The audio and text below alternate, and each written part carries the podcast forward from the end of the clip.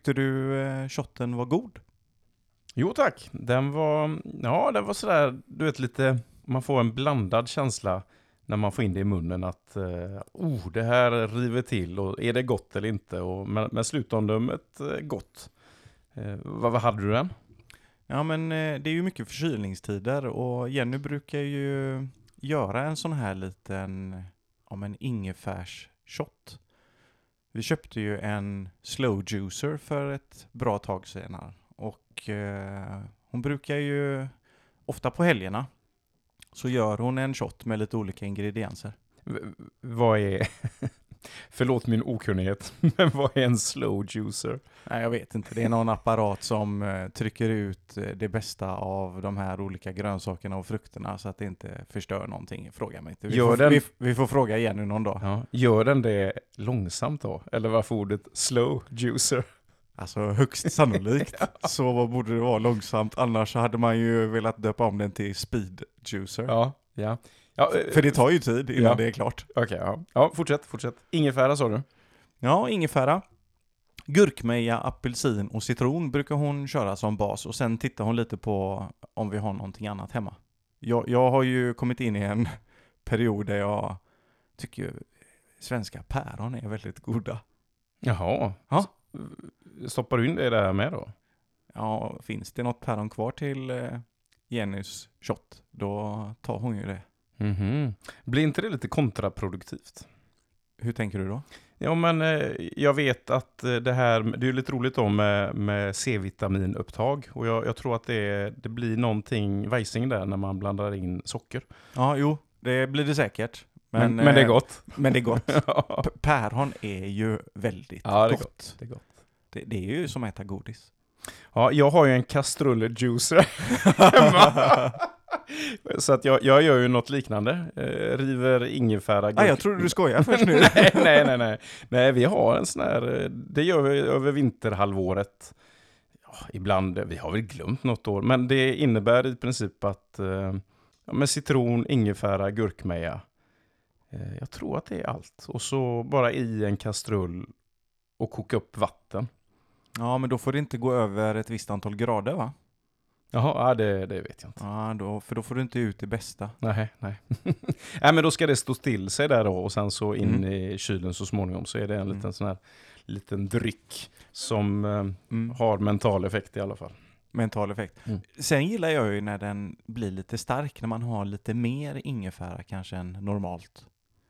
För jag gillar ju när det river till lite Mm. i halsen och det, det känns nyttigt i alla fall. Ja, men det är återigen, jag, jag håller med dig, det, det blir någon slags mental eh, effekt, liksom att det, det ska vara lite jobbigt för att det ska vara bra eller, eller nyttigt helt enkelt.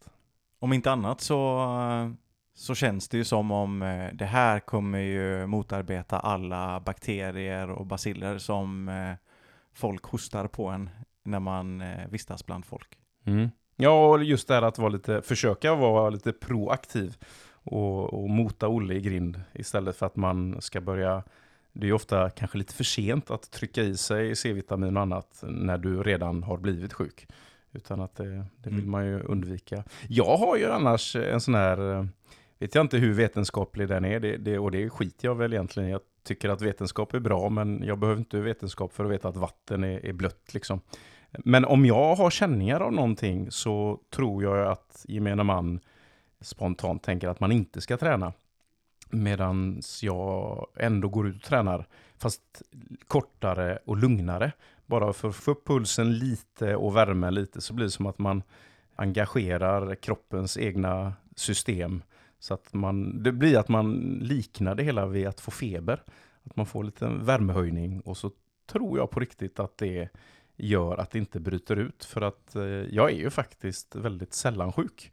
Och kanske att det har en liten eh, del i det hela. Vad vet jag? Ja, men jag, jag gör också så. Eh, jag har också gått ut och joggat lite lätt eller gjort eh, någonting som är lite pulshöjande. Antingen så blir man ordentligt sjuk på en gång eller så hjälper det till att kurera.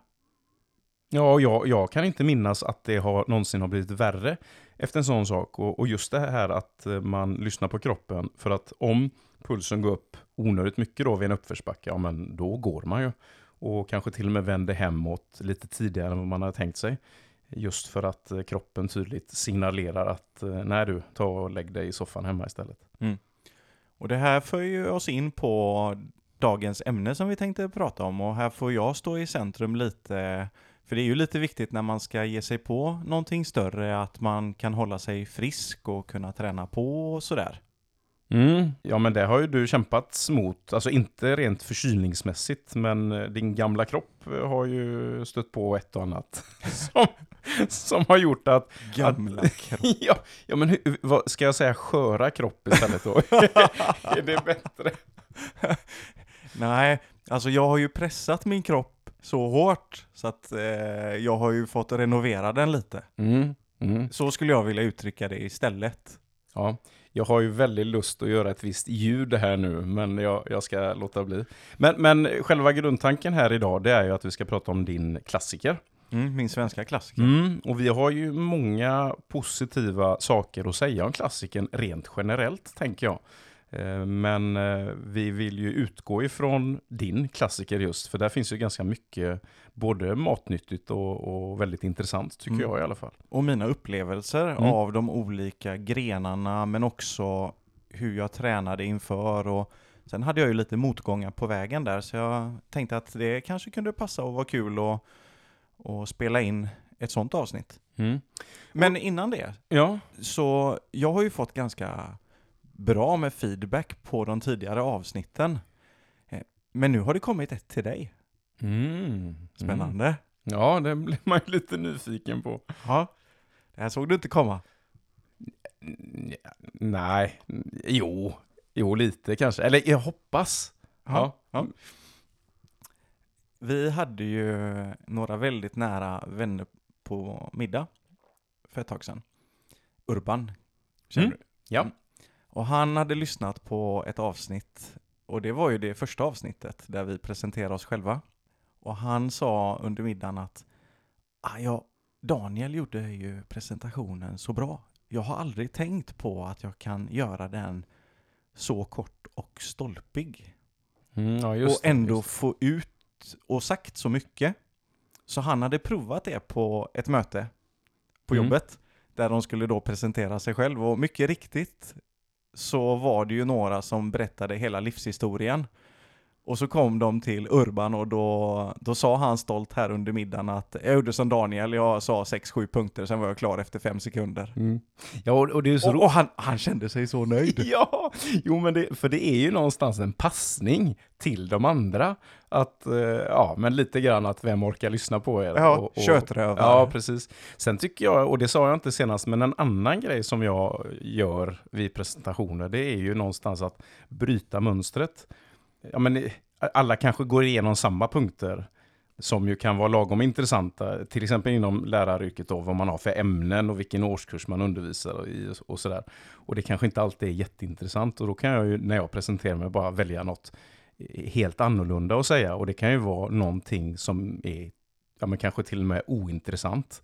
Till Eh, exempel. Ja, nu kommer jag inte på något spontant, men eh, det kan ju vara att man eh, säger ja, men någonting om ens fritid eller någonting som helt och hållet bryter mot det alla andra har sagt. Så att dels att vara kort och bara någonstans göra poängen av att jag hoppas att folk fattar att det är en poäng att är vi så här många personer på ett sa- samma ställe så är det ingen som lyssnar på vad alla säger och definitivt inte klarar av att ta in all kunskap. Ja, men det hade varit intressant med något exempel. Ja, nej det får du inte nu. Okej. Du, klassikern. Mm. Jag tycker att det är viktigt, eller viktigt, det, det är intressant att du, du kan väl i alla fall börja med när i tiden är vi? Mitt första försök var ju 2017 egentligen. Men eh, det året jag gjorde klassiken var 2018. Mm. Vill du gå in på, du, du säger försök, då blir man lite nyfiken på vad, vad hände där? Ja, men det var ju att jag, du och jag kom ju överens om att vi skulle göra en svensk klassiker tillsammans. Så vi anmälde ju oss till, eh, ja vad var det? Det var nog öppet spår. Eh, vi började i kalenderordning. Men eh, då fick ju jag ju problem med, men det yttrade ju sig- som knivhugg i ryggen. Eh, Men jag fick ju problem med att jag fick broskpålagring på höftleden. Så jag fick ju göra en sån här kampinser-operation. Du, det var nog inte öppet spår. Det var, jag vill minnas att det var Vansbro. För jag gjorde ju klassiken över, det var 2016-17. Mm. Och Vansbro gjorde jag, jag har en fusklapp här förstår du. Eh, och där står det Vansbro 2016 på. Du menar att vi började med Vansbro? Ja, och, ja, det måste vi ha gjort. I och med att vi ville ju göra den tillsammans. Ja. Och det är ju min första eh, Ja i men klassiken. okej, då... Ja, minnet sviker och- ju lite här men... Och det, eh, det, var ju, ja, det var ju det året som eh, vi var i Sälen. mm. Eh, några dagar innan där. Det var ju för övrigt eh, jättetrevligt. Ja men det var fantastiskt. Vi träffades ju där uppe med, med familjerna. Ja. Eh, Sprang lite på sommaren och hade det jättemysigt. Och, och det jag minns när vi var där uppe var den här uh, tystnaden. Mm. Ja, det var magiskt. Tystnaden och att luften, det var någonting annorlunda med vad vi är vana vid här nere. Mm. Eh, det var ja, någonting, jag, jag kan inte sätta ord på Mm. det, men eh, ja, det, var, det var jättetrevligt. Sen tog vi bilen, eller bilarna, till Vansbro och simmade ihop. Och jag minns faktiskt den här dagen jättetydligt. Ja, det var inte så svårt med tanke på att eh, åskan som, som var där, det var ju... Och haglade och bara, regnet bara vräkte ner. Och de var ju tvungna till och med att avbryta själva tävlingen Ja, just det. under en period. Och vi märkte ju knappt någonting i vattnet. Jag kände ju att det regnade lite men jag förstod ju inte att det var hagel som kom.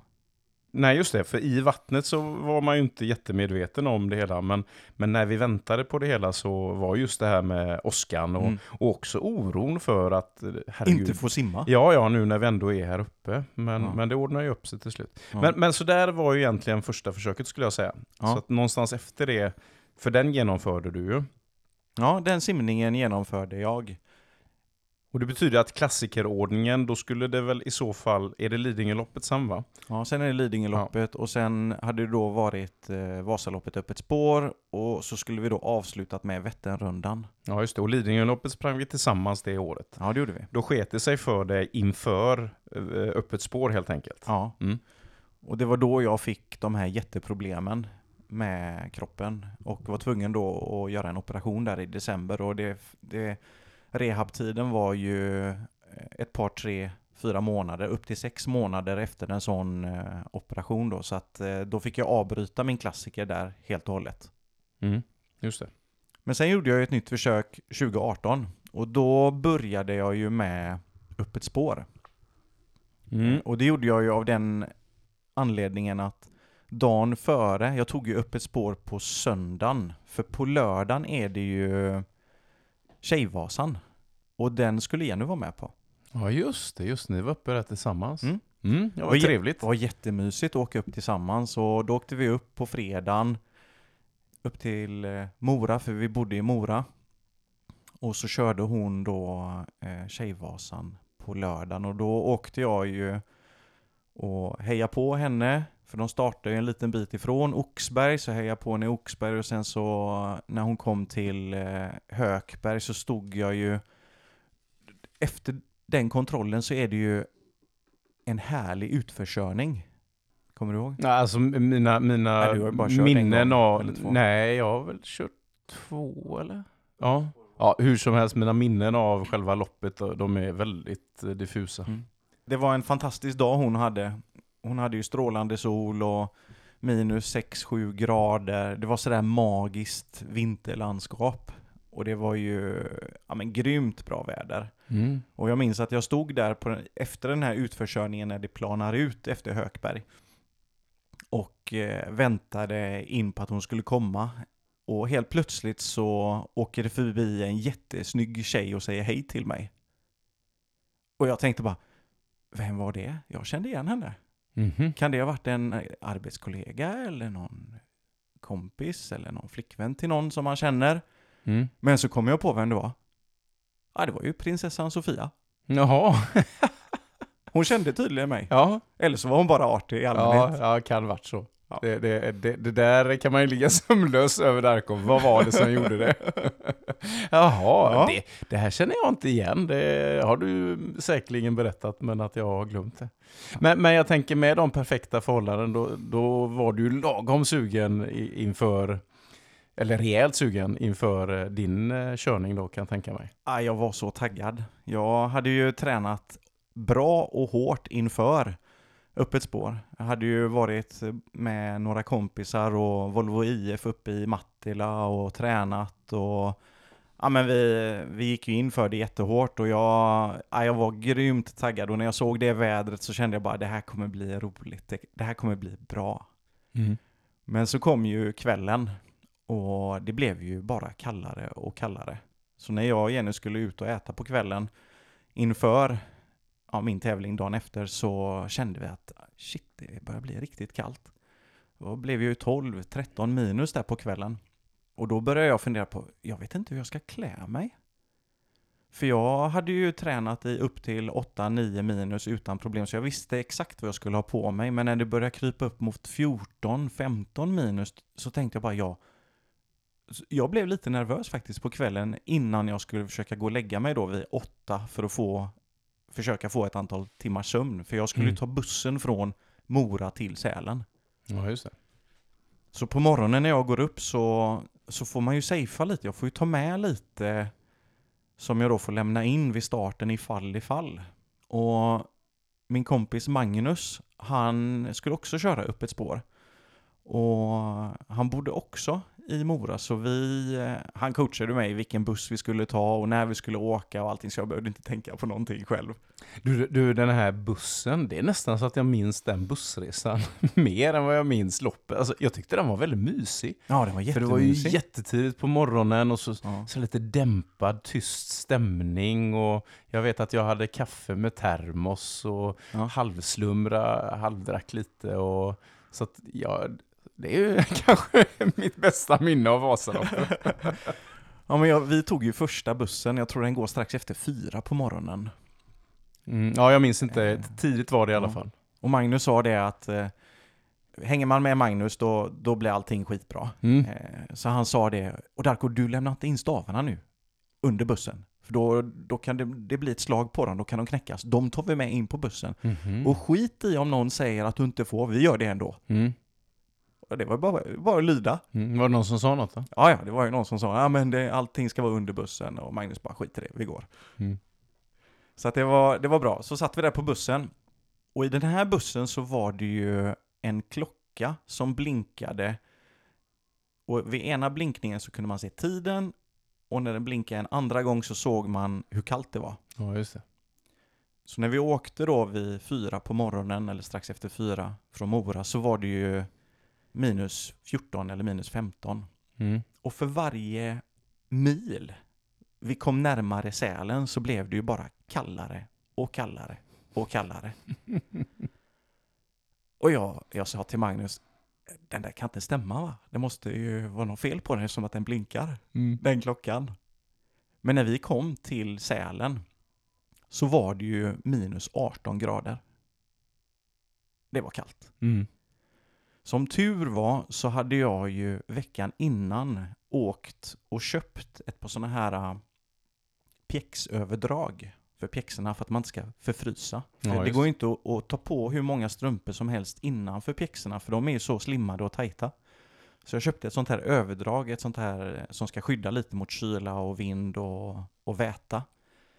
Och det var nog det som räddade mig faktiskt. Ja, för, för där är ju verkligen så jämfört med till exempel löpning. Löpningen håller ju hela kroppen varm på ett Mm. helt annat sätt. Medan eh, även om jag inte har kört Vasaloppet i den temperaturen så har vi ju tränat när det har varit så svinkallt. Och det, det går ju inte att inte frysa om fötterna. Nej. Och ett träningspass eh, kanske bara är två timmar. Vasaloppet är ju ändå något eh, längre. Mm. Men när väl starten gick så var det ju minus 20 grader. Jag var ju taggad, men det var ju kallt. Så Mm. det gällde ju att hålla värmen, framförallt då i första uppförsbacken. För 2018 så var det ju inte på det sättet det är nu när man kör öppet spår, att man kan självsida sig in i rätt startgrupp med vilken ambition man har att klara själva loppet på i tid. Mm. Utan då, du hamnar där du hamnar beroende på vilken buss du har tagit och hur snabbt du lägger ut dina skidor. Just det, just det. Men, men du, innan vi kommer iväg på själva loppet, hur, hur, hur var det med, med trycket i de nedre regionerna? Jo, man måste ju pinka hela tiden. Jo men det är ju på riktigt ett, ett problem. ja. För att Jag det, hade ju det, med kaffe precis som du hade. Jo, alltså, men det här att du har en himla massa kläder på dig och så är det ju också, det är ju staket och grejer. Så Ja. att det är ju inte det att man bara kan gå lite åt sidan och, och slänga ur den och Nej. ja, det är inte det lättaste att göra det med alla kläder dessutom. Nej. Men, för det, det vet jag att jag, jag tyckte att ja, men, det här är ju jobbigt på riktigt. Ja.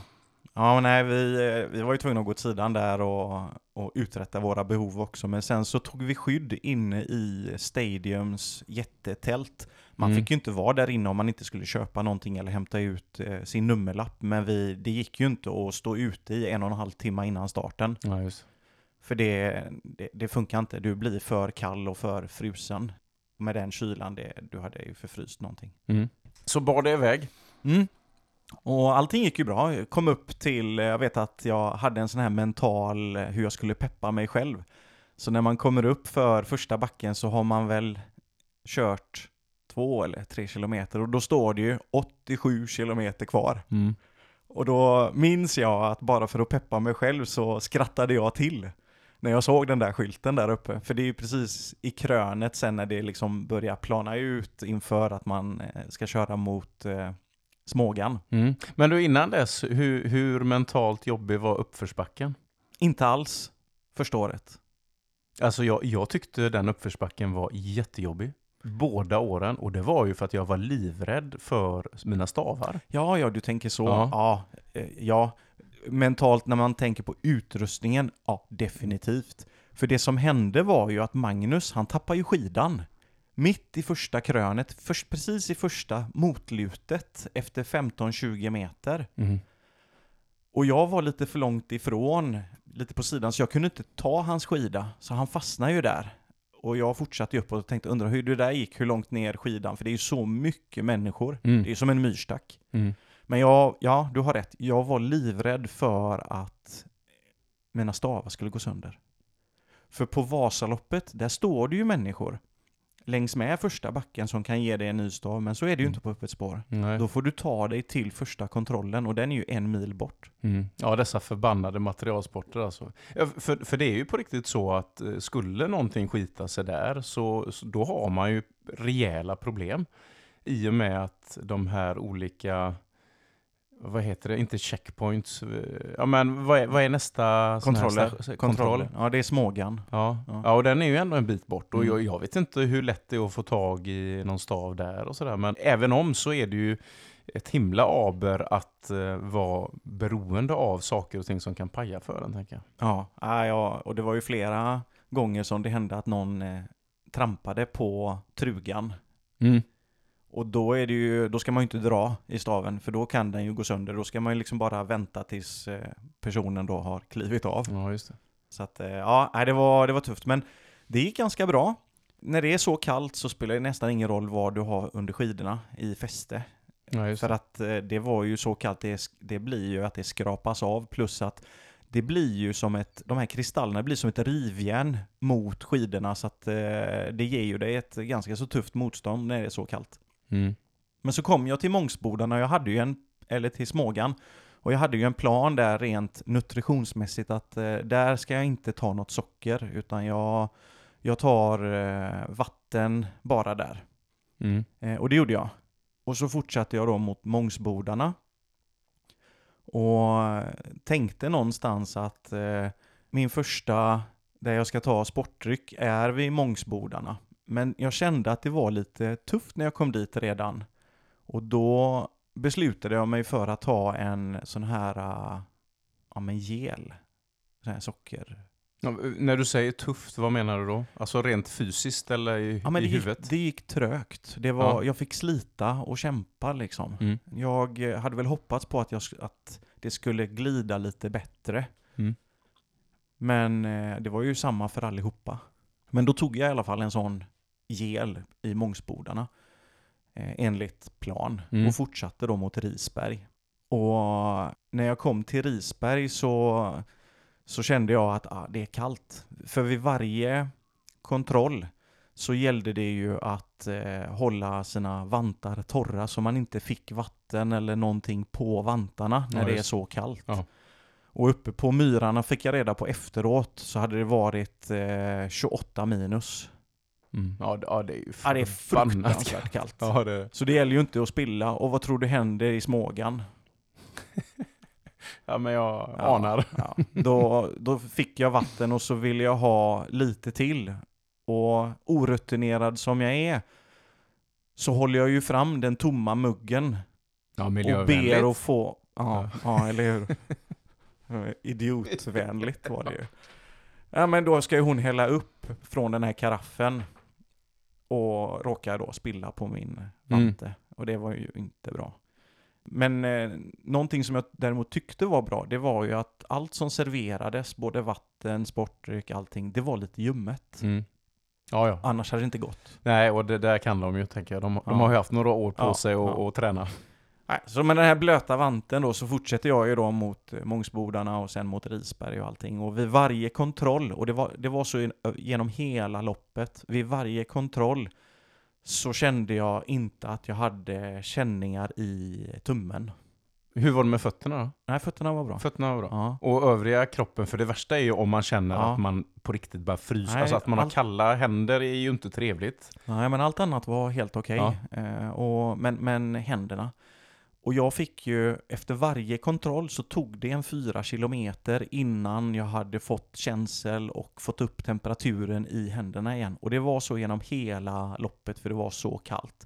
Jag kommer ihåg att i alla utförskörningar som var, så när jag var hopkrupen så, så slog jag på händerna med den ena handen på den andra för att få upp eh, cirkulationen. Mm. Ja, det var fruktansvärt kallt.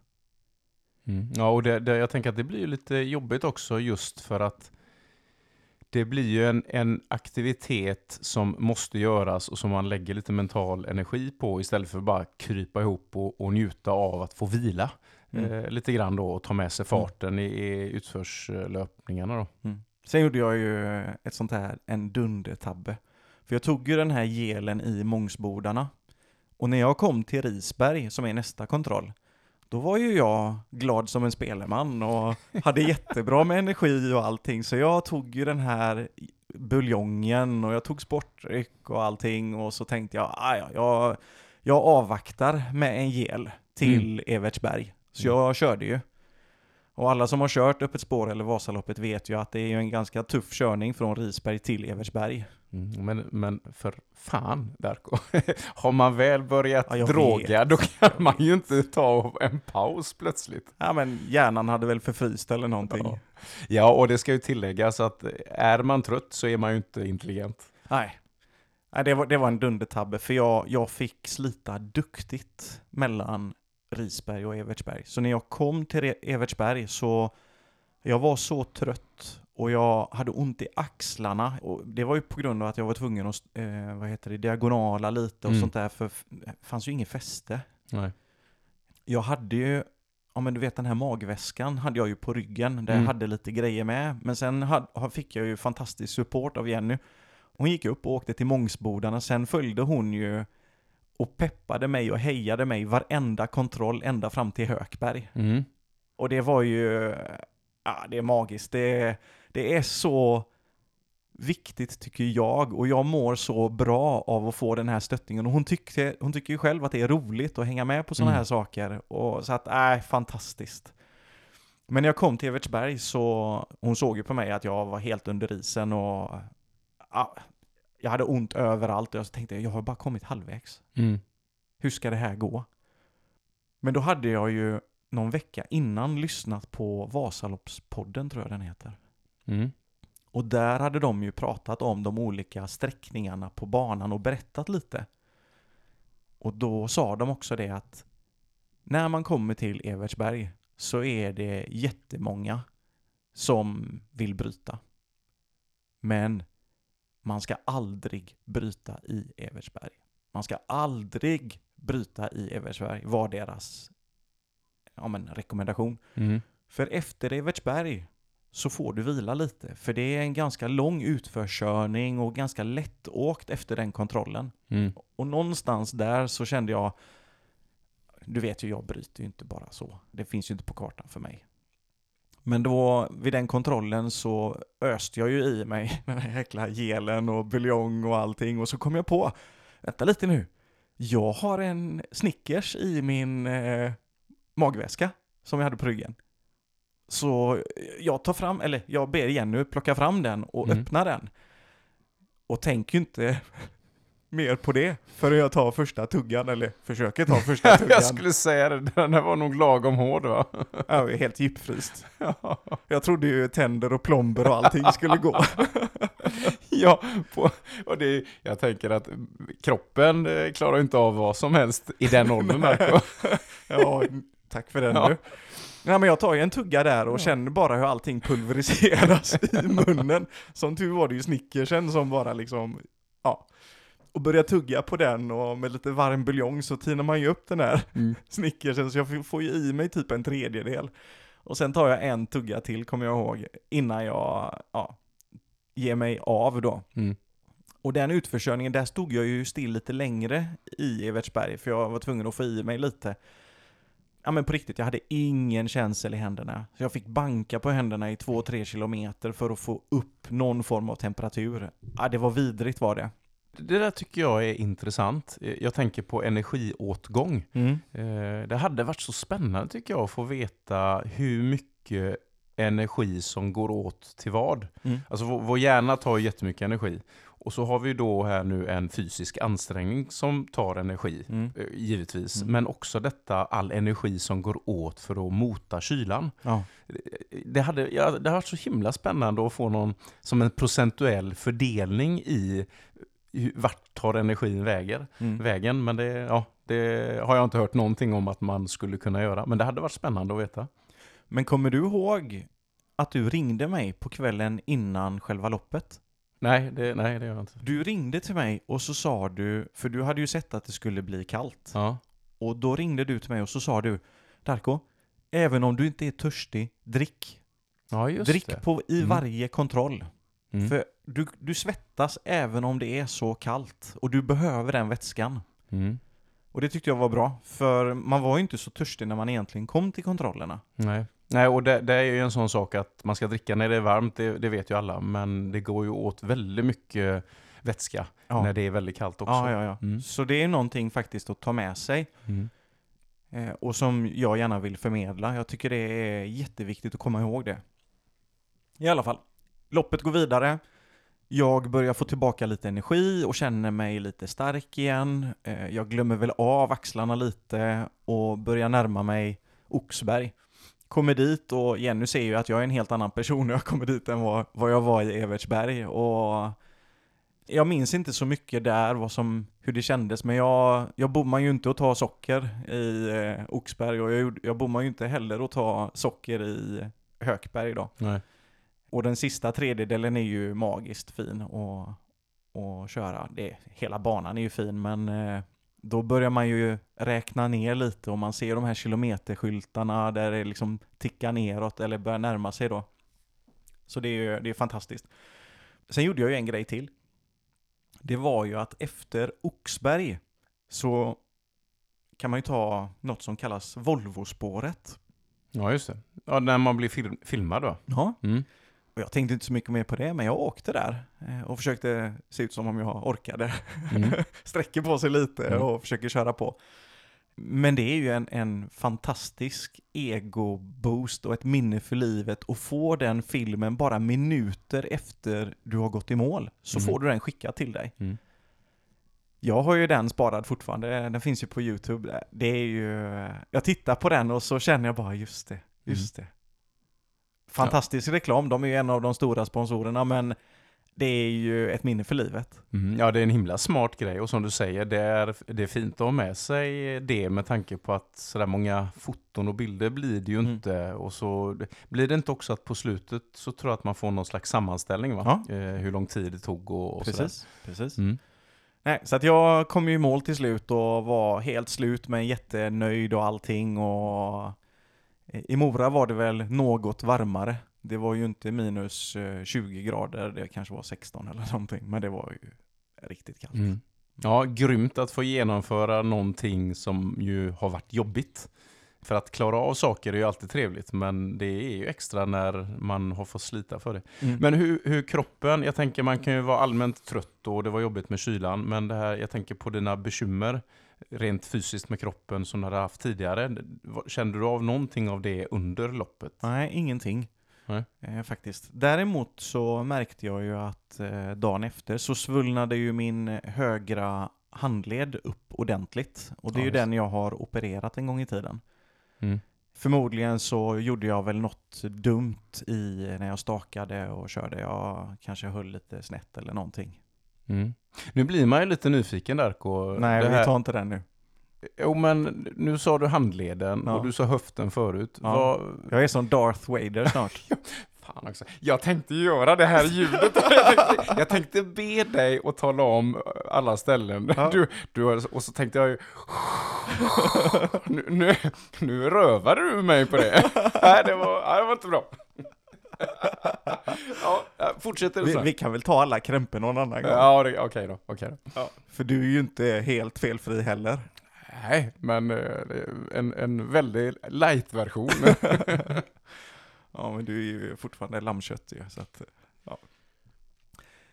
Ja, men sen var det ju dags för uh, Vätternrundan. Och den är ju i juni. Men i april så fick jag ju problem med, med ryggen och jag, så fort jag stod upp och skulle gå lite längre så, ja men det var något som inte stämde. Så de, jag var iväg både hos massörer och naprapater och läkare och någonting och de, eh, jag kommer ihåg en läkare, han sa det att ah, nej, det är vad man kallar sittsjuka. Jag höll på att klappa till han. jag gjorde ju allt annat än satt ner. ja. Men, men då var det någonting som inte stämde i kroppen och jag... Ja, göra en lång historia kort, så till slut efter att jag hade provat nästan allting, både akupunktur och ja men rubbet verkligen, så, så kom jag i kontakt med, med Optimum-metoden. Och det är ju ett företag som eh, inriktar sig väldigt mycket på postural träning. ja, och vad är det? Och det är ju egentligen att när man är barn och ungdom så aktiverar man ju alla småmuskler, alla delar i kroppen. Men ju äldre man blir så blir ju kroppen lite lat. Så man använder bara de stora muskelgrupperna egentligen. Och det innebär att när man börjar jobba med postural träning då börjar man aktivera igång alla de här småmusklerna som kroppen har slutat använda sig av. Ja men lite kort förklaring. Mm. mm. Och det var ju min sista utväg och jag tänkte att om det är så här då får jag bryta klassiken en gång till för jag kunde inte gå längre än 200 meter innan jag var tvungen att huka mig ner. För när jag hukade mig ner då var det som det här äh, onda släppte. Men tror du, var det här en, en konsekvens av Vasaloppet eller var det något annat? Det vet jag inte. För jag Mm. hade ju tränat jättemycket längdåkning och allting så att eh, jag vet faktiskt inte om det var en konsekvens eller inte. Jag tror inte det. Jag tror att, ja kanske, jag vet inte. Ja, det kan ju vara någonting som ligger och det är ackumulerat att det bidrar, men då är ju det intressanta är väl egentligen om det har varit en, eh, att orsaken med all längdåkning har varit stor eller liten. Och Mm. jag tänker att längdåkningen är ju ändå skonsam. Så att det, det borde ju inte ha Mm. spelat så stor roll. Nej, I alla fall, jag, jag körde ju den här typen av träning då och när jag kom till dem första gången så sa hon jag träffade att ja men det här löser vi. Och de eh, sa, hon sa ju att ja men du, du kommer vara igång om eh, en till två månader igen. Mm. Och jag trodde ju inte en sekund på det hon sa. Men trevligt att höra ändå. Ja men det var det, det var ju mitt enda, det var ju mitt sista hopp liksom. Jag Mm. visste inte vad jag skulle göra. Det var ju ingen annan eh, som kunde hjälpa mig. Nej, och då har vi ju ett tidsspann här på, uppe spår är ju ändå ja, men i slutet på februari. Ja. Och så har vi mars, april, maj, juni Mm. är väl Vätternrundan va? Mm, mm. Så jag började ju köra ett träningsprogram med Optimum. Och det var man ju tvungen att göra tre till fyra gånger per dag. Mm. Så jag gick ju ifrån på jobbet in i ett konferensrum och gjorde mina övningar. Jag är jäkligt bra på rehabba. Mm. Ja men jag, jag lägger 110% på rehabba. Får jag vissa övningar som jag ska göra, då gör jag dem. Ja, och där, därför, i och med att jag nyligen, har, eller nyligen, jag håller på med detta ganska ordentligt i och med min axel. Men det tycker jag är en fascinerande, eller intressant snarare, att det är så många som, när de säger ordet rehab så är det en enda stor suck och åh, det är så tråkigt och åh, nej, rehaben har man ju inte gjort ordentligt och så. Det är som att det är en självklarhet. Och det förstår inte jag av flera skäl. Ett av skälen är att det finns ju ingen träning jag någonsin har gjort som jag så tydligt märker en effekt av. Mm. Det här att, oh, men shit, jag känner ju redan på veckobasis att ah, men, det här blir faktiskt lite bättre. Snacka om att bli motiverad, mm. tänker jag då. Så att, mm. ja, det där tycker jag är jättekonstigt. Det är ju många som ser det som en viloperiod, men det är ju allt annat än en viloperiod. Mm. Kunde du börja cykla? Ja, men cyklingen var inget problem, för Nej. då hade jag en böjd rygg. Mm. Det var ju när jag stod upp eller skulle springa, alltså när jag var mer raklång om man uttrycker sig lite klumpigt. Det var då jag hade ont och det inte gick. Men när jag hade en böjd rygg över äsen, det var inga problem alls. Nej. Alltså Så, då kunde du ändå träna bra inför vätten? Ja, ja, men jag kunde inte gå av cykeln. Nej. Nej, jag var tvungen att vara på den. ja, precis. Ja, men då, jag vet att eh, i början av året så, så ringde en jättegod vän till mig, Mikael, du känner ju honom, och sa ska vi inte gå med i Lygnens vänner inför Vätternrundan? Mm, ja, just det. Och jag bara, ja för då kan man åka med en subgrupp, sa han. Och jag kommer ihåg att jag satt i bilen när han ringde mig.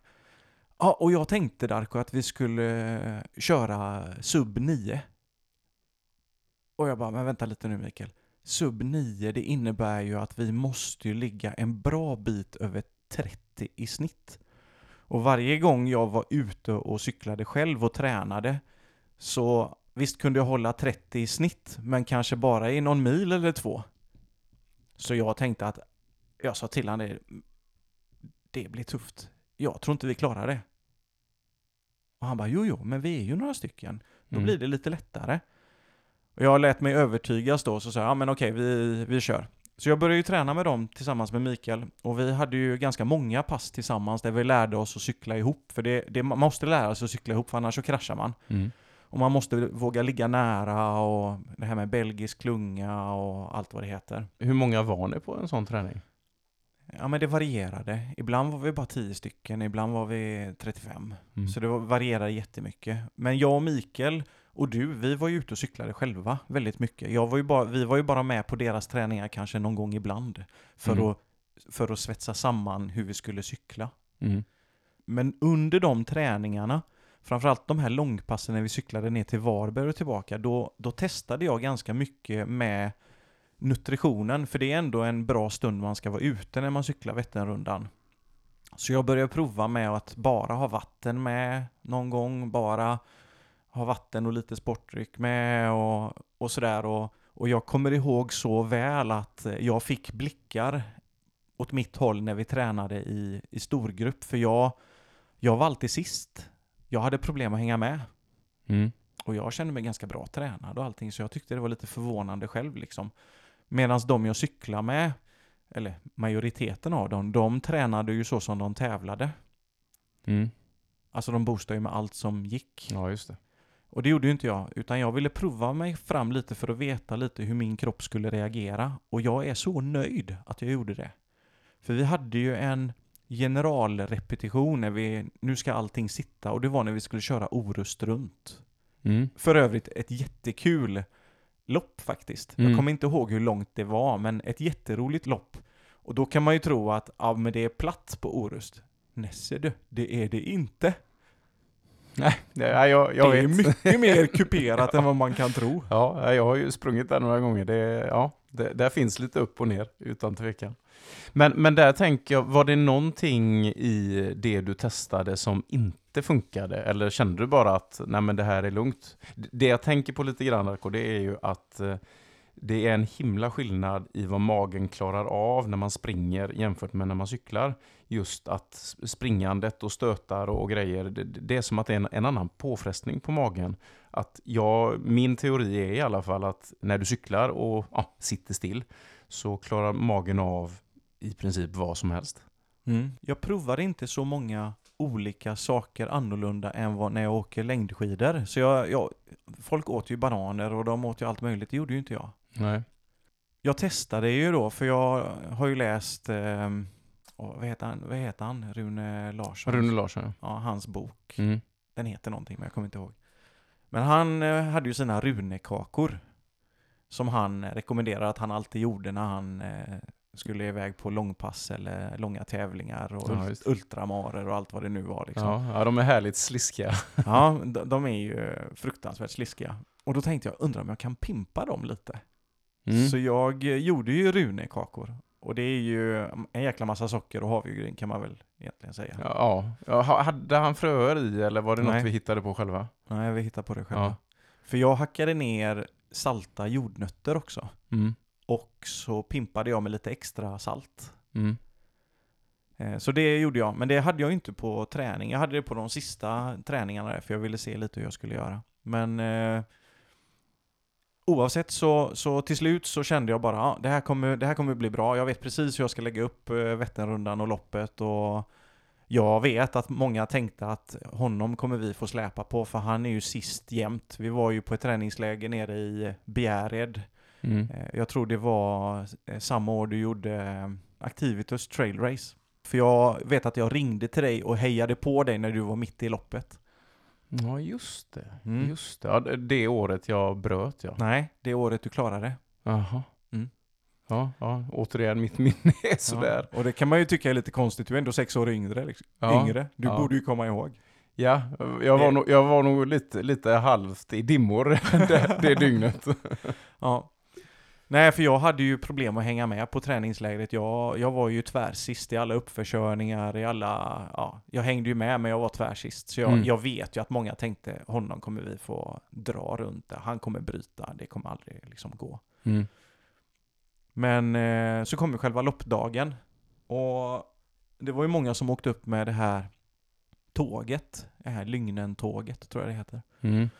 Eh, Men jag, det är inte så långt upp till Motala härifrån Göteborg så eh, Jenny och jag åkte upp. Och våran starttid var klockan 12 mitt på dagen. Det var en perfekt starttid för det var ju då subgrupperna kunde starta så vi behövde inte starta mitt i natten och ha massa överdrag och grejer. Mhm. Ja, vad synd. Mm. Ja, för, jag, för jag uppskattade eh, körningen på natten. Det var Mm. ju jättemysigt. Mm. Nu kommer jag inte ihåg när vi startade, men det var ju sent på kvällen vid Mm. 9-10 eller någonting. Eh, det, det var ju en upplevelse, Mm. kommer jag ihåg. Och vi hade ju en perfekt dag. Det var ju sol, det var 18-20 grader. Ja men kunde inte vara bättre. Mm. Men så, ja men så startade vi i alla fall och min plan var ju att dricka vatten första 4-5 milen innan jag skulle gå på ja men sockret och allt annat. Mm. Lite eh, train low, compete high. Men Ja. det, det tycker jag vi kan komma tillbaka till. Ja. Och allting går ju bra. Kommer iväg, inga konstigheter. Och jag har ju en plan när jag ska börja dricka sportdrycken och allting. Och vi, när man kör en sån här subgrupp så hade ju vi ju tre stopp där vi skulle stanna. Ett en minuters stopp. Och det fattar jag inte varför vi hade före Gränna. Det var något sånt här pinkestopp.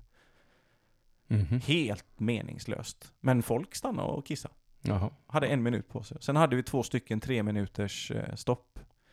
Det var allt som vi, eh, vi hade då. Och där hade vi ju då preppat så man bara kunde byta sina flaskor med det man hade i då. Som bara kunde slänga ut det andra och Mm. i med de nya och köra vidare. Och allting gick jättebra. Jag, Vätternrundan var ju fantastisk. Jag började dricka sportdryck och jag hade en liten lek för mig när vi körde den här belgiska klungan. För i en belgisk klunga så har man ju två led. Och när man kommer fram i det vänstra ledet då går man ju över och är längst fram i det högra och sen faller man bakåt. Så det Mm. blir ju som en kedja så. Och hur länge är man längst fram? För, Ja, för, för, de, 10-15 sekunder. ja, för de som inte cyklar då, så det Mm. är ju en jätteskillnad. Är du längst fram, då har du vinden på Ja. dig och du får slita som ett djur egentligen. Och där måste man ju, är man längst fram och det är nedförsbacke, du måste trampa. Mm. För annars så blir det som att tvärnita för de andra som är bakom. Mm. Men det var riktigt roligt. Vi låg ju med typ 4-5 centimeter mellan hjulen. Från person till person. Mm. är Riktigt nära. Där, där får man inte göra dumheter för då, då kraschar hela klungan. Eh, men eh, det var kul. Så varannan gång jag hamnade i det hö den högra ledet och började falla tillbaka, då tog jag sportdryck och varannan gång så tog jag vatten. Ja, just det. Ett litet system där. Ja, Mm. så det var, ja, nu är det vatten. Ja, Mm. nu är det en klunk sportdryck. Och det gjorde jag ju bara när jag var på högersidan, för på det vänstra ledet då, då rör man ju sig framåt liksom. Just det, just det. För Så- det är där man hamnar längst fram till slut då. Precis. Mm. Eh, jätteroligt. Det var kul att lära sig att cykla så. Hur många var ni i den klungan som, som körde? Vi var ju till slut 21 eller 22 personer som kom till start. Mm. Men här kommer lite intressanta grejer. Jag, eh, jag hade ju med mig de här runekakorna, jag hade ju sportdryck och så hade jag preppat en flaska med avslagen cola och lite sånt där lite längre fram. Men jag hade varit inne på Burger King och lånat, jag säger lånat, ett antal saltpåsar. För Mm. jag, precis som du, så svettas jag jättemycket när jag tränar och när jag gör någonting. Så jag hade ju en 6-7 stycken med mig som jag eh, vid givna tillfällen tog jag en påse och skyllde ner med vatten. Svettas man mycket och vet med sig det så är det en stark rekommendation. Skit i att köpa de här salttabletter och allting utan eh, de här påsarna är fantastiskt bra. Det är en lagom portion. Mm. Ja, men det är det faktiskt. Och det är ju eh, ganska billigt med eftersom man så- Lånar. lånar.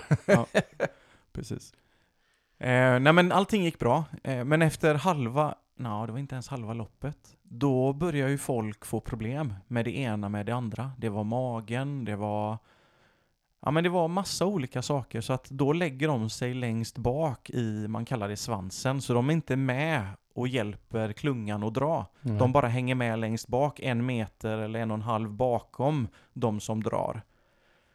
Så efter halva loppet så, så var ju hälften borta. Då var vi bara 10-12 kvar som drog. Mhm. Och då förstår man ju själv att det blir ju mer jobb för de som är där fram. För Mm. man, eh, man får fram och dra mycket, mycket oftare. Och när det var en tredjedel kvar, då var vi bara 6-7 stycken kvar längst fram. Och det var ju väldigt, väldigt många som fick maghaveri.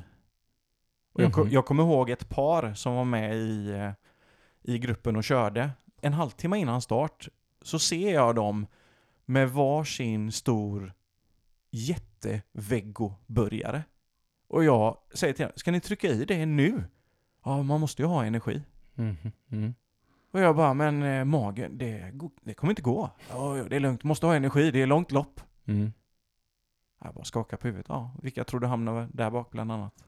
Mm, ja, det ser man. Jag tänker att, ja, trots då att cyklingen är snäll mot magen så, men det är klart att ska magen ha hur mycket som helst att bearbeta så kan Mm. det bli jobbigt. Ja.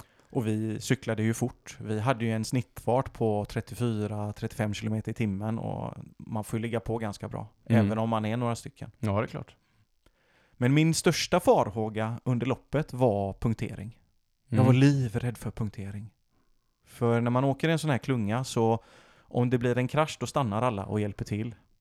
Men får någon punktering då är det bara hej då. Mm. Dig, dig skiter vi du får klara det själv. Ja. Så jag, jag var livrädd för punktering. Alla de här kärlskadorna i asfalten. Ah, jag, var, jag var fullkomligt livrädd för jag ville inte hamna själv. Ja, just det.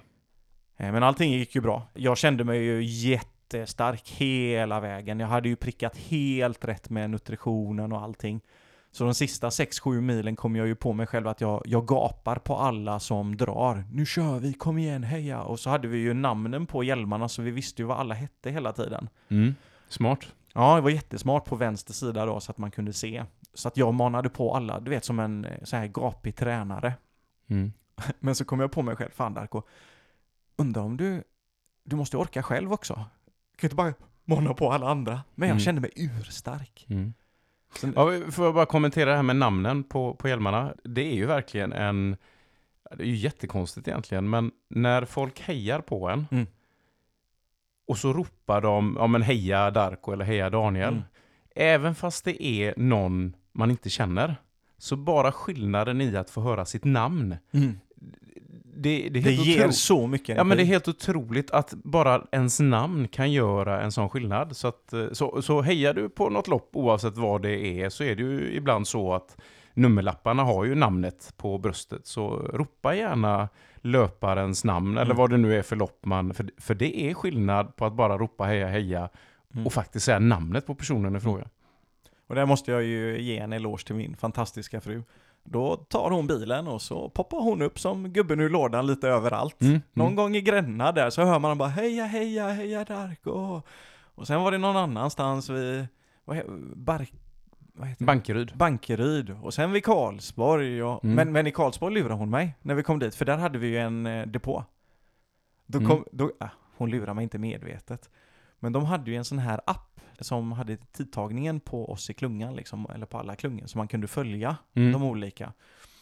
Och då, när vi kom dit och skulle göra det här sista bytet, sista depåstoppet, så, så säger hon till mig, ni ligger efter i tidsschemat. Och jag bara, va? Och jag var ju lite, så här, man är ju lite trött ändå. Mm. Och jag bara, "Nej, jag orkar inte. Jag... Så kollade jag på min klocka och så såg jag 34,5 i snitt. Vi kan ju inte ligga efter. För jag Nej. menar, loppet är 300 kilometer och, och vi har ju sub 9 så att det säger ju sig självt att vi ligger före. Ja. Ja men ni ligger efter, ni får spätta på säger, säger hon vid den kontrollen. Så när vi cyklar därifrån så frågar jag, jag kommer inte ihåg vem det var, men någon bara Vad har du på din klocka? Ja men, ja, men alltså vad har du i snitt? Ja men 34. Och så var det en annan som sa, "Ja, jag har 34,7. Och Jag skakade på huvudet och tänkte, hur kan, hur kan vi ligga efter? Mm. Och så vill jag inte oroa mina medcyklister liksom att, ja min fru sa att vi ligger efter. Ja. Så vi körde ju på, men då visade det sig att det var ju att vårat depå var ju, om det var före eller efter då, själva kontrollen som skulle vara, så att det blev den här tidsskillnaden då. Så. Aha. Men i alla fall så kör vi på, loppet går jättebra och så när vi kommer in i Motala så, du har ju cyklat där själv, så vi kör ju på jättehårt och jag råkar ligga längst fram i det läget och då har vi beslutat att nu gör vi ingen mer rotation i klungan.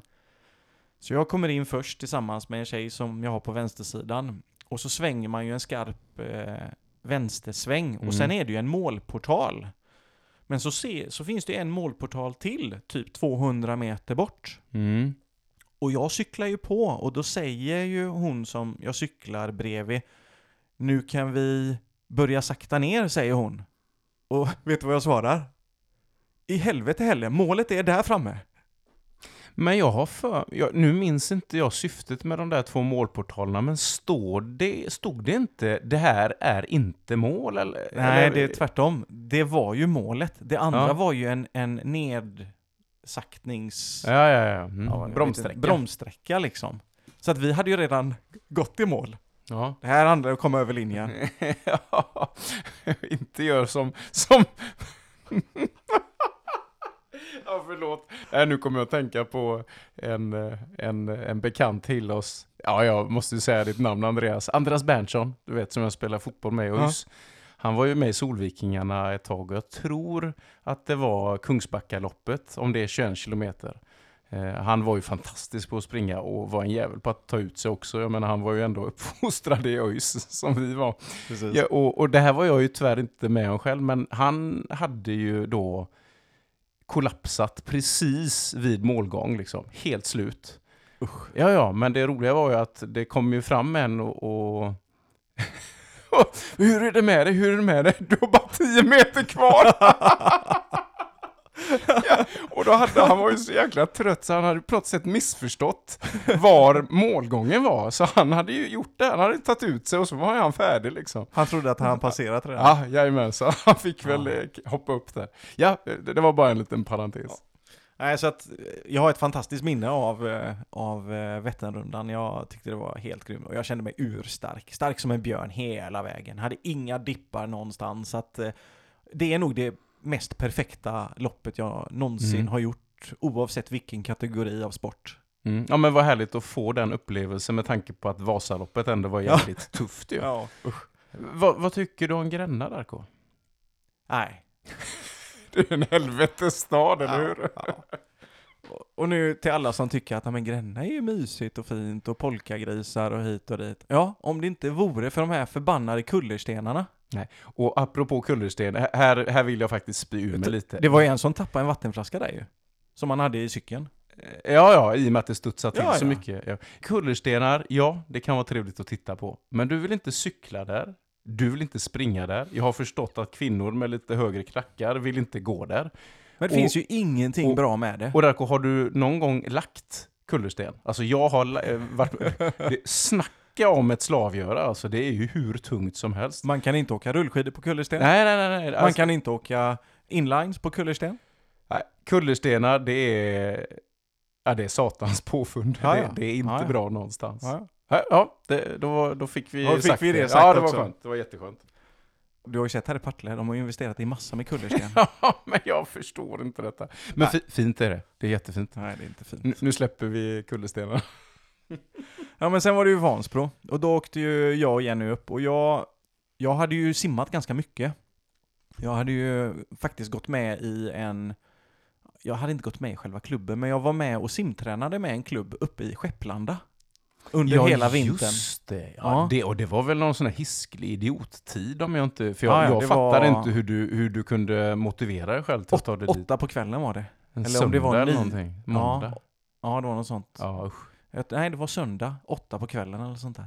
ja, för du frågade om jag skulle med och det, det, det fanns ju inte på kartan. Nej, men jag, jag tränade där och det var ju en, en gammal kollega till mig från CGI. Hon eh, var ju med i en simklubb där uppe och jag försökte hitta någonting i Göteborg men det fanns ju inget vettigt att, att gå med i.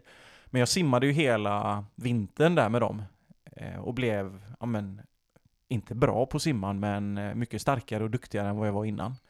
Och det hjälpte nog mig ganska mycket för jag kunde ju under Vansbro då, då hade vi ju lite bättre väder det här året när jag då simmade själv. Mm. Första året vågar jag inte ligga där alla andra var, för man får ju fighta så man får ta emot ganska mycket stryk när man ligger i strömmen första två kilometrarna. Och sen vill man ju ligga nära bryggan sista kilometern där det är motströms liksom. Mm. Men den här gången så tänkte jag, nej, jag ska ligga mitt i och ta för mig och simma, för jag kände mig väldigt, väldigt trygg i simningen och jag kände mig stark och allting. Så jag simmade på och låg mitt i strömmen och fightades så jag fick ganska mycket stryk, men jag gav nog lite, ganska mycket stryk också åt andra. Mm. Och sen så när man kommer in då på sista kilometern då som är upp, vad heter det, motströms heter det va? Ja. Då tänkte jag, inte en chans att jag går ut i älven för där är det ännu mer. Så Mm. jag försökte hålla mig så nära bryggan som möjligt och jag vet ju att jag simmar ju över några och det var ju, det är ju sånt som händer i, Mm. i Vansbro. Men du, apropå Vansbro. Vansbro är ju lite känt för vattentemperaturen. Hur, hur var den? Kommer du ihåg det? Ja men det var minus 17. Eller inte minus.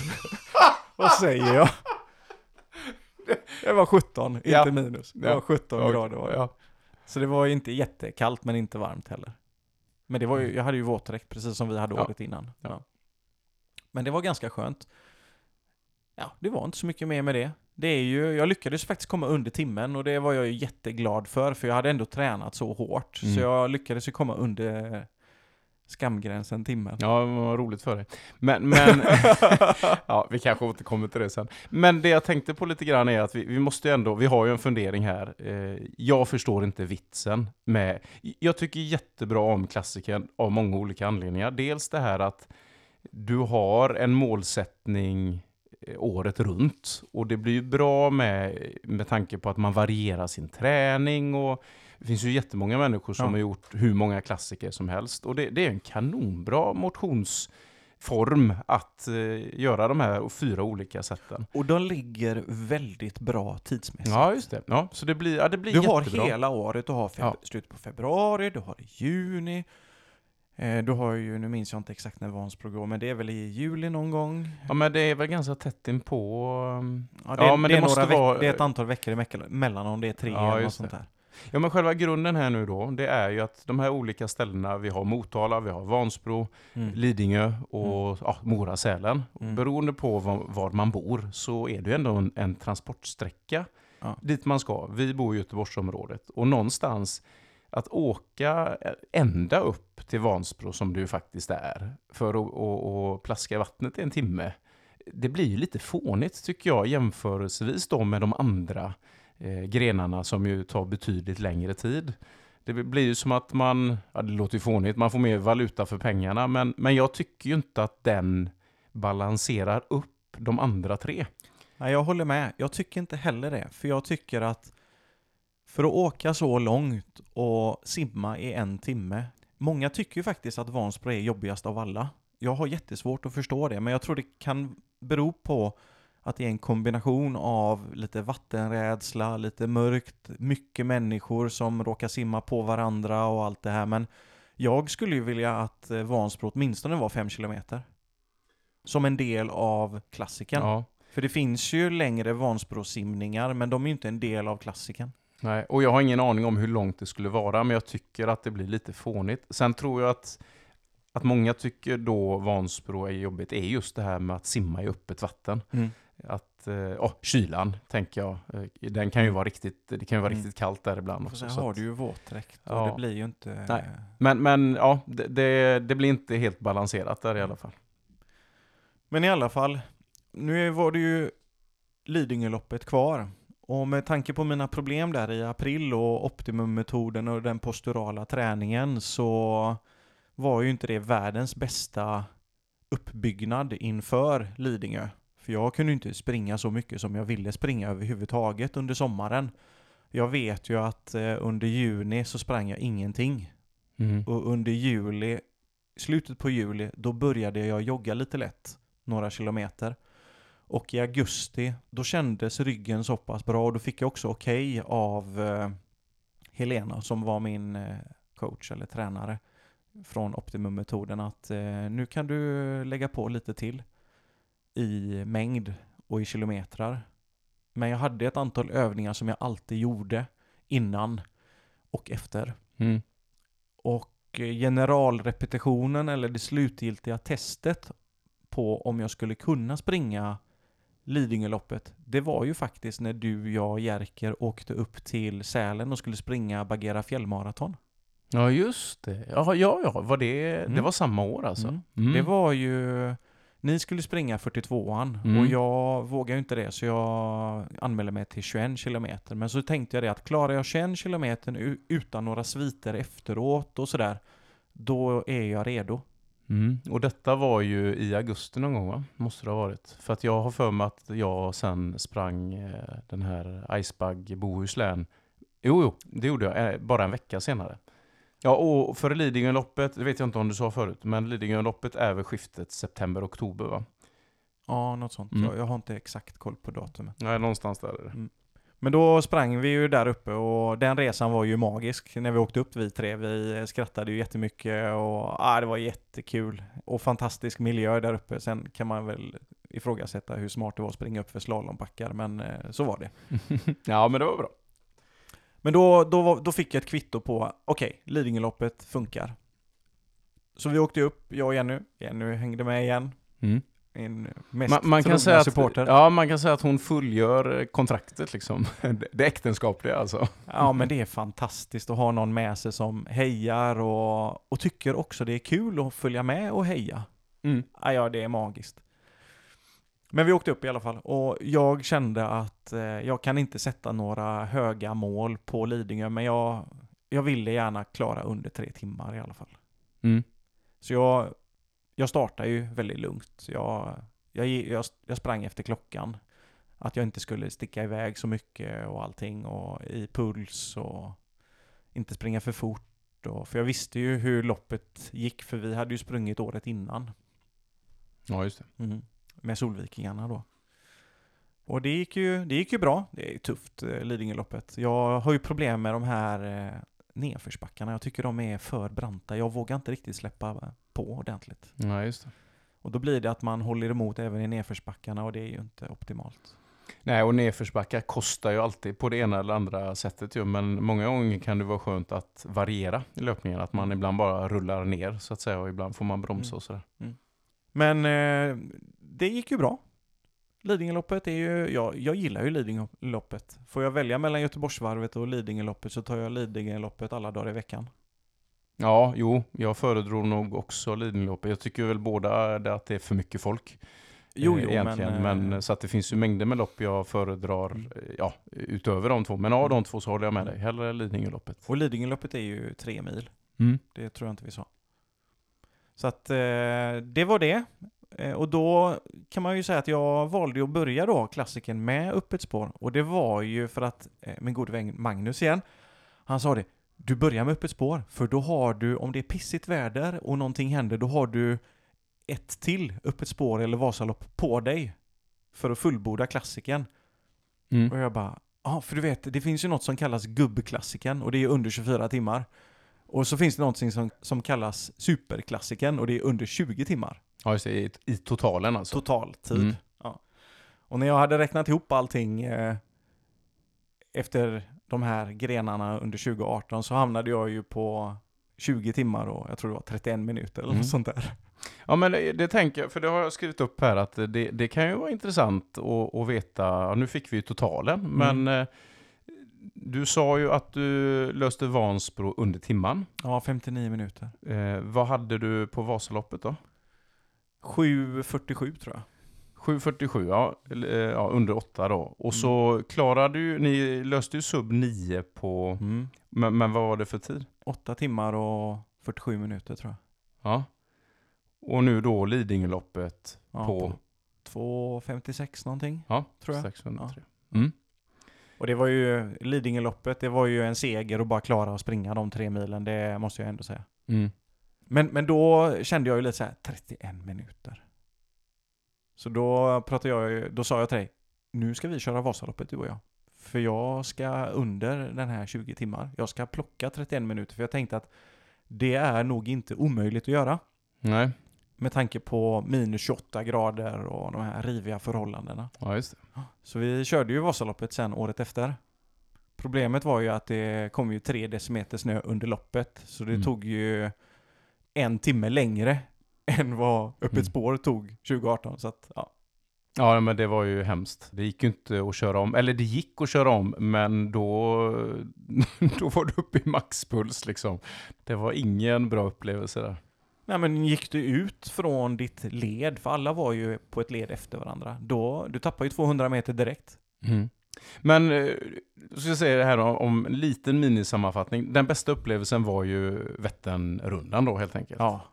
Och värsta Vasaloppet då eller? Måste det vara? Ja. Det kom ju fram statistik sen att det är inget annat år det har brutit så många efter första kontrollen. Nej. När jag skulle hämta mina kläder på den här bussen du vet när man Ja. efteråt. Ja. Då satt det två tjejer men de såg helt färdiga ut. Det såg ut som de var på väg till en begravning. Jag bara, ja men gick det bra? Nej, säger de. Ja, okej. Nej, jag bröt i Smågan. Då Mm. hade det tagit så lång tid för dem att komma till Sälen som det tog för mig att köra. Nej, usch. Ja, det är dubbelfel, tänker jag. I, Fruktansvärt. I, ja, tråkigt. Men, men du, om vi går tillbaka lite grann. Du har ju gått in på hur du har tränat inför, men en, eh, en nyfikenhet. Höll du igång alla fyra träningsformerna hela året? För jag menar, det är klart att det blir mer och mer specialiserat inför, det är klart att man cyklar väldigt mycket inför Vättern. Mm. Men höll du igång alla eller hade du någon form av fördelning där? Jag fokuserade ju lite mer då, precis som du säger, när jag hade klarat av en, då fokuserade jag lite mer på nästa. Men jag, jag höll igång allihopa hyfsat. Men jag, jag körde ganska mycket styrka också. Mycket styrketräning med mage och rygg och sådär. Men, eh, ja, men mer eller mindre höll jag nog igång allting. Förutom löpningen, som jag, jag kunde inte springa. Nej, just det. Det gick ju inte. Och då, då var det lika bra att försöka bygga upp alla andra. Men på sommaren eh, innan 2018, då jag körde ju jättemycket rullskidor till exempel. Det gjorde ju vi tillsammans. Mm. Och sen så blev det ju väldigt mycket längd med styrketräning och simning.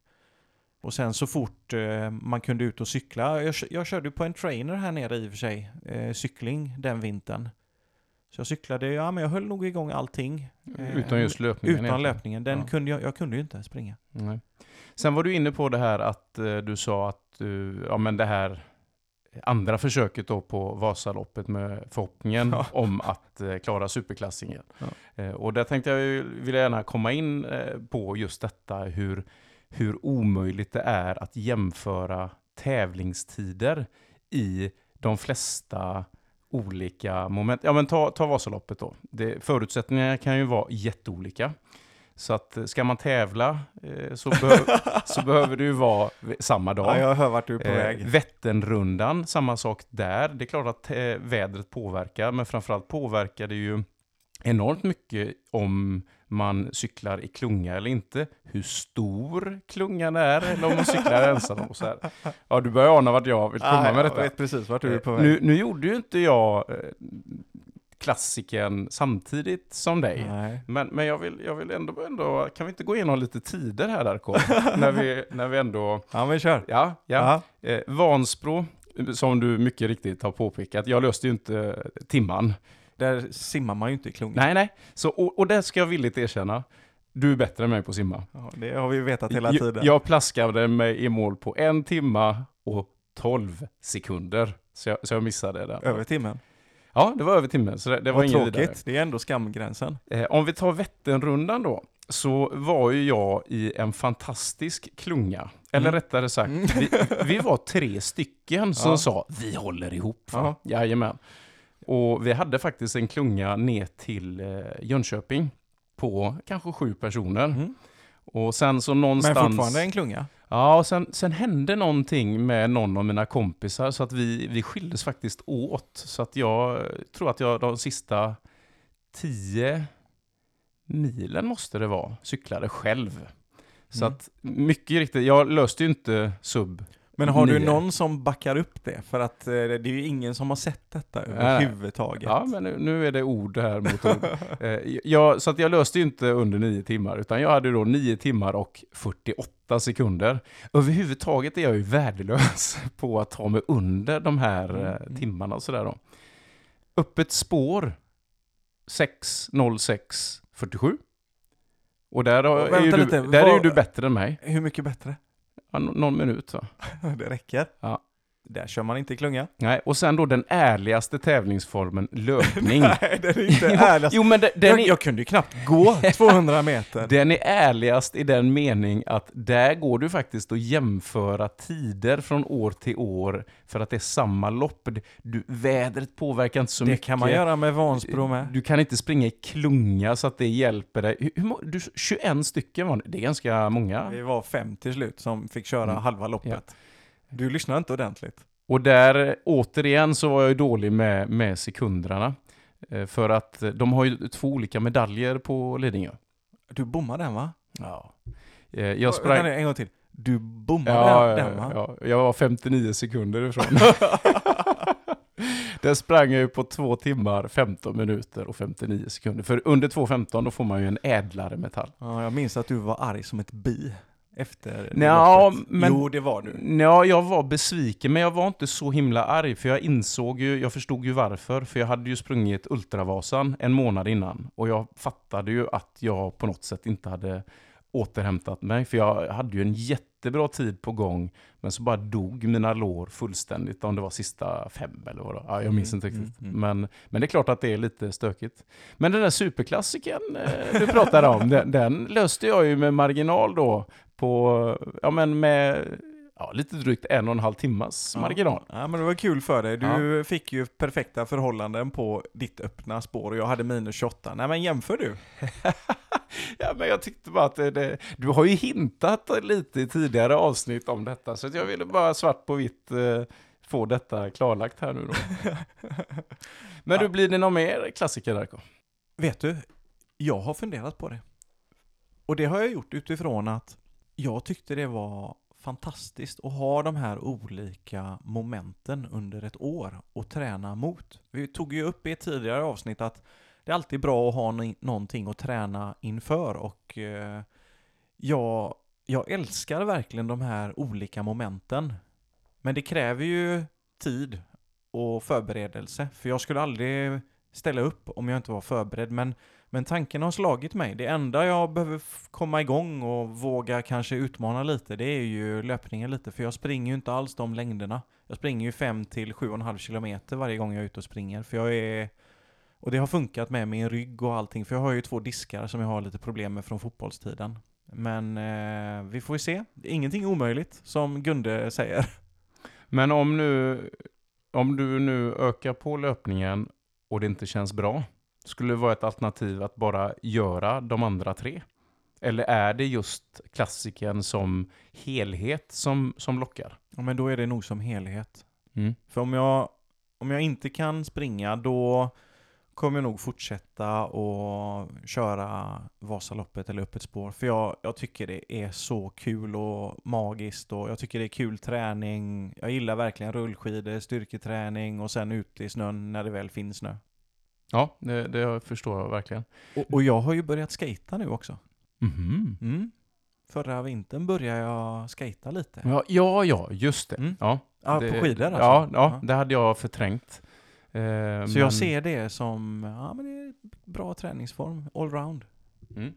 Du, du nämnde ett eh, begrepp tidigare som du sa att det får vi återkomma till. Och då tänker jag att det är väl lika bra att återkomma till det nu. Train low, compete high sa du. Mm. Vad är det? Det betyder ju egentligen att eh, när du tränar så, så kolhydratsladdar du inte på det sättet utan du, du tränar utifrån jag vet inte om det är, om det är low carb rakt av eller inte. Men eh, jag, så har jag uppfattat det att man, man minimerar kolhydraterna. Inte helt och hållet, man tar inte bort dem, men man tränar utifrån ett fettförbränningsperspektiv och använder fett som det stora energimedlet. För att sen när man tävlar, då är det tävling. Och då behöver man snabba energin som kolhydrat och socker ger. Och det är ju någonting som jag körde under hela min klassiker och det funkar alldeles utmärkt. Och min mage rasar inte. Mm. Ja, precis. Och det är ju kanon just för att få igång fettförbränningen. Men också det då att eh, sockret eller kolhydraterna när man tävlar har ju en funktion inte bara för kroppen utan även för huvudet. Mm. Eh, gör att man pignar till och, och känner sig klar och sådär. Sen finns det en fördel till tycker jag med Train Mm. Low. Och det är ju, och vi har nämnt det här tidigare, men eh, återhämtningen. Mm. Alltså det, det går inte att jämföra. När vi elitspelade i ÖIS och allt det här, alltså när vi körde tuffa grispass så man var ju helt slutkörd. Mm. Och jag är övertygad om att det har med kosten att göra. Kör man low carb eller train low, jag återhämtar mig ju mycket fortare. Mm. Ja, och så vill jag lägga till det här med inflammationsnivåer som vi pratade om tidigare. Då.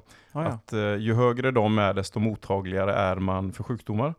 Och tränar man inför ett lopp så vill man ju inte vara sjuk. Och håller man ner kolhydraterna så är det ju risken mindre att bli sjuk helt enkelt. Sen finns det ju inga garantier för någonting naturligtvis. Du var inne på det här med eventuellt klassiken beroende på löpningen. Mm. Men har du några andra tips eller rekommendationer eller andra mål överhuvudtaget vad Mm. gäller träningen? Jag har några tips. Mm. Om man ska ge sig på klassiken, då tycker jag att man ska ta lite hjälp. Du arbetar ju med löp löpcoaching. Jag tycker att det är värt att höra av sig Mm. till en löpcoach och få lite hjälp med hur ska jag springa på ett energieffektivt sätt, men också utifrån ett löpperspektiv. Mm. Jag tycker att man ska ta en, eh, en crawlkurs. Ja, det skriver jag under på. För, för nu är du bättre än mig på att simma och det, det har jag inga problem med. Men jag vet ju att jag fick ju tips av dig Ja. i hur jag skulle göra. Mm. Och försökte väl göra så. Men jag har ju ingen aning. Eller jo, jag vet ju att jag inte lyckades med det speciellt bra. För det går ju inte att se sig själv när man simmar. Nej. Och har man då någon som kan kika på en och sådär så är ju det garanterat jättemycket värt. Och jag tänker även på det här med längdskidåkningen. Ja, jag tänkte precis Så- komma till det. Ja, men för det- det fick du och jag Mm. eh, av våra eh, fantastiska eh, hustrur. Och jag minns så väl att det var två tillfällen va? Två träningspass när vi var en vecka Mm. i Sälen på sportlovet. Och det jag kommer ihåg att de tipsen vi fick Nej. från eh, den, eh, den grabben, han var nog Mm. yngre än vad vi var. Mm. Jag vet att jag tänkte att ja, men allt det han sa, det var egentligen ganska logiskt, rimligt och självklart. Och jag hade nog, eller vi hade nog kommit på det så småningom själva. Men det hade ju kanske krävts ganska många års skidande liksom för att klura ut alla de här små tipsen. Då. Så att det är ju garanterat en genväg till att eh, göra saker och ting på rätt sätt. Och då går det oftast väldigt mycket både fortare och kanske då också, framförallt i löpning då, skonsammare mot kroppen. Och så blir det en trevligare upplevelse. Mm. Du behöver inte slita som, du kommer ju få slita som ett djur, men inte på det här felaktiga sättet. Ja, just det. Ja, så att jag, jag tycker verkligen att man ska investera i lite coaching. Och nu säger inte jag att man måste bli elitsimmare eller lägga jättemycket pengar på att få hur mycket träningstips i längdåkning eller någonting, utan ta några kurser. Det finns ju överallt nästan att man kan eh, få tag i, eh, olika typer av träningar för de olika typerna av, eh, av aktiviteter. Så jag, jag tycker verkligen det. Ja, och så är det ju en investering för sig själv. Jag, jag har ju låg förståelse för de som anmäler sig till lopp och inte tränar. Just för att det gör ju att det där Göteborgsvarvet, som i ärlighetens namn, ja men det är 21 kilometer, men det klarar verkligen vem som helst. Men hur vill du genomföra loppet? Det är klart att är du inte förberedd så kan ju det vara en av dina livs värsta dagar. Mm. Gör det till en av, dina, en av de bästa dagarna istället, genom att liksom komma väl förberedd. Ja, jag håller, jag håller med. Men det finns en grej till. Jag har ett tips till. Mm. Om man nu köper sig en racer så tycker jag att man ska gå iväg till någon som gör en så kallad bike fit. Och det man gör då, det är att man tittar på inställningarna på cykeln, att du sitter i rätt höjd, att du har styret på rätt sätt och att det är utifrån din kropp. För om man sitter lite fel, då kan man få problem med knän, man kan få problem med diverse saker. Men om man då får hjälp i hur sittpositionen på cykeln ska vara just för dig utifrån din cykel så är det ju jätteviktigt. Framförallt när man ska köra 30 mil. Ja, just det. Och framförallt när man tränar inför. Mm. Så det här ska man ju göra innan, inte bara till själva loppet. Mm. Ja, för du gjorde väl det va? Ja, jag gjorde det. Mm. Och jag märkte stor skillnad, framförallt i uppförskörningar, där jag helt plötsligt fick ut kraften i pedalerna på ett helt annat sätt än Mm. vad jag hade fått innan. Mm. Ja, och apropå det, så, det måste vi ändå nämna, att om vi tar Vätternrundan, ja men de riktiga hjältarna där, det är, Ja. ju, det, det är ju de här som tar sig runt på en sån här, ja men kärringcykel, Ja, ja. du vet vad jag Ja, menar. Alltså, herregud, slita där och få så lite gratis Ja. för att cykeln är så dålig. Eh, Och jag, jag har en liten mini, det kan jag ta nu, alltså det här med cykelns beskaffenhet och vad, vad skillnaden gör. Eh, Jag jobbade ju tidigare i Kållered. När jag hade räsen eh, så cyklade jag på cirka 40 minuter. När jag cyklade med min hybrid, ja, cirka 50 minuter. Och så var det ju då att jag sålde räsen och så tror jag att om hybriden var lite kass så att jag tog ju Katarinas kärringcykel. jag klarade inte under, under timman. Nej. Så att, alltså 20 minuters skillnad på en sträcka på, ja men, vad hade jag, 25 kilometer eller någonting. Det är ju gigantiskt. Mm. Ta då Vätternrundan på 30 mil. Ja, ja nej, så att eh, det är, jag vet inte om det är vansinne eller om man bara liksom ska buga huvudet och vara djupt imponerad av de som klarar Vätternrundan med, med sämsta möjliga förutsättning egentligen. Sen frågade du vad jag hade för mål framåt och jag, jag tänkte att jag ska göra en satsning på upp ett spår eller Vasaloppet 2025. Mm. Så att jag, nu, nu är det full satsning på det faktiskt. Så att det ska bli eh, ruskigt roligt. Mm. Ja men kul. Jag, ja, som sagt, jag har ju sagt det förut, jag är noll intresserad av några fler Vasalopp. Fast vi måste ut och åka rullskidor. Men du, apropå utmaningar. Hur gick fastan senast? Ja, det gick jättebra. Mm. Jag var inte, jag fick ingen kurr i Nej. magen. Jag fick inget sånt här krampsug i magen. Däremot så var det jobbigt när jag lagade mat åt barnen. Mm. Inte i magen utan att jag kände lukten och, och Ja, såg vad, alltså jag lagar ju så fantastiskt bra mat så det är klart man vill äta den. Ja, och för att förtydliga ifall det är någon som inte har lyssnat på avsnittet innan när vi pratar om fasta. Så, Så gör det. eh, jag gör det, men också att eh, då pratar vi om fasta rent generellt och att du i normala fall fastar 24 timmar Mm. en gång i veckan, men att du nu då skulle prova på 32 timmar istället. Vilket du, 36. 36, Ja, som ja. du i Ta inte bort fyra timmar för mig. Nej, som du har gjort förut, men inte så många gånger va? Ja, en gång tror jag bara. Ja. Ja. Ja. Ja, det här var lätt som en plätt. Vi har nog fått sagt det vi vill ha sagt. Mm. Och jag känner lite att eh, ja, men nu, nu avslutar vi. Det gör vi, men vi brukar ju komma med lite mattankar där. Absolut. Vad har du på hjärtat idag? Ja, men idag ska jag gå in för det. Idag blir det, jag har tagit fram en benfri kotlett. En hel klump. Mm. Så den kommer jag skiva upp och sen så säger jag lite som Leif Mannerström sa i något av de här programmen som där de här mästerkockarna tävlar mot varandra. Kotlett har fått oförtjänt dåligt rykte och det är för att människor inte vet hur man tillagar den. Mm. Och jag håller med han. Och då förklarar han hur man skulle göra när man skulle då ja, steka eller panera den. Ja, Så idag blir det panerad eh, kotlett. okej. Då vispar man upp ett ägg och så har man i senap. Och sen eh, gör man en panering med ströbröd. Och så steker man i, eh, jag brukar köra neutral kokosolja. Mm. Eh, Och då är det viktigt att man har rätt ströbröd, för man får inte ha fullkorns ströbröd, för då blir eh, paneringen bränd. Det går inte. Nej, men du, vad var det för tips eh, han gav då? Att man just blandar ägg och senap, för det kapslar in vätskan i kotletten så inte den sipprar ut Mhm. under stekningen eller paneringen. Okej. Och det blir jättesaftigt och gott. Mm. Och till det så kommer jag faktiskt göra en hemmagjord pepparsås. Mm. Mm. Och sen eh, har jag inte riktigt bestämt vad vi ska ha ja, men som tillbehör till det där. Det blir någonting, men jag har inte riktigt bestämt det än. Nej, ja, det låter smarrigt. Eh, du då? Jag tänkte tipsa om att göra egen leverpastej. Ja, men det är ju inte middag. Det kan det vara. Men, jag eh, äter ju inte en leverpastej bara. ja, men vi, vi har ju pratat lite om det här med inälvsmat och att det kan vara svårt att, att äta lever och jag vill verkligen få folk att äta mer lever. Jo, jo, men nu väntar ju alla på ett middagstips. Ja, ja, men jag har ju sagt det att jag är lite tråkigare än dig och jag tänker då kan jag komma med lite andra grejer. Och då vill vi bara uppmana alla att eh, feedbacken, hur gott det är, det kommer ju till mig. Ja, ja, det får du gärna göra. Men egen leverpastej är ju busenkelt att göra. Och det går ju naturligtvis att göra detta mer eller mindre avancerat. Men fräsa eh, lever och köttfärssås. Eller köttfärs, inte, inte sås. Och sen så när det är färdigt så, ja, du, då är det klart liksom. Du, Men hur får du det att hålla ihop? Ja, talg. Jag lägger i lite talg och så kryddar jag med lämpliga kryddor. Och så mixar jag det när det är klart och så är det ju färdigt. Så det är väldigt enkelt. Jaha, du gör en mix av det. Ja, Okej.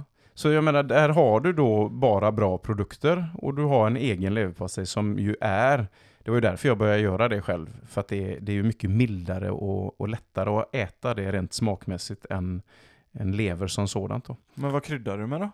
Det är allt möjligt. Ibland har jag i lite citron, persilja, salt, peppar. Och så, Dragon? Nej, men gärna chilikrydda eller något liknande Ah, okej. så att det blir lite, lite sting i det hela. Då. Men det tänker jag, det är ju bara att ta de kryddorna man tycker om. Ja, ja, givetvis har jag i lök och vitlök. Det, jag tillagar ju i princip aldrig någonting utan lök och vitlök. Eh, Helt riktigt. Bra, men eh, då är vi nöjda för idag va? Det är vi, det är vi. Och då återstår det väl bara att säga smaklig måltid. Smaklig måltid. Tack och hej.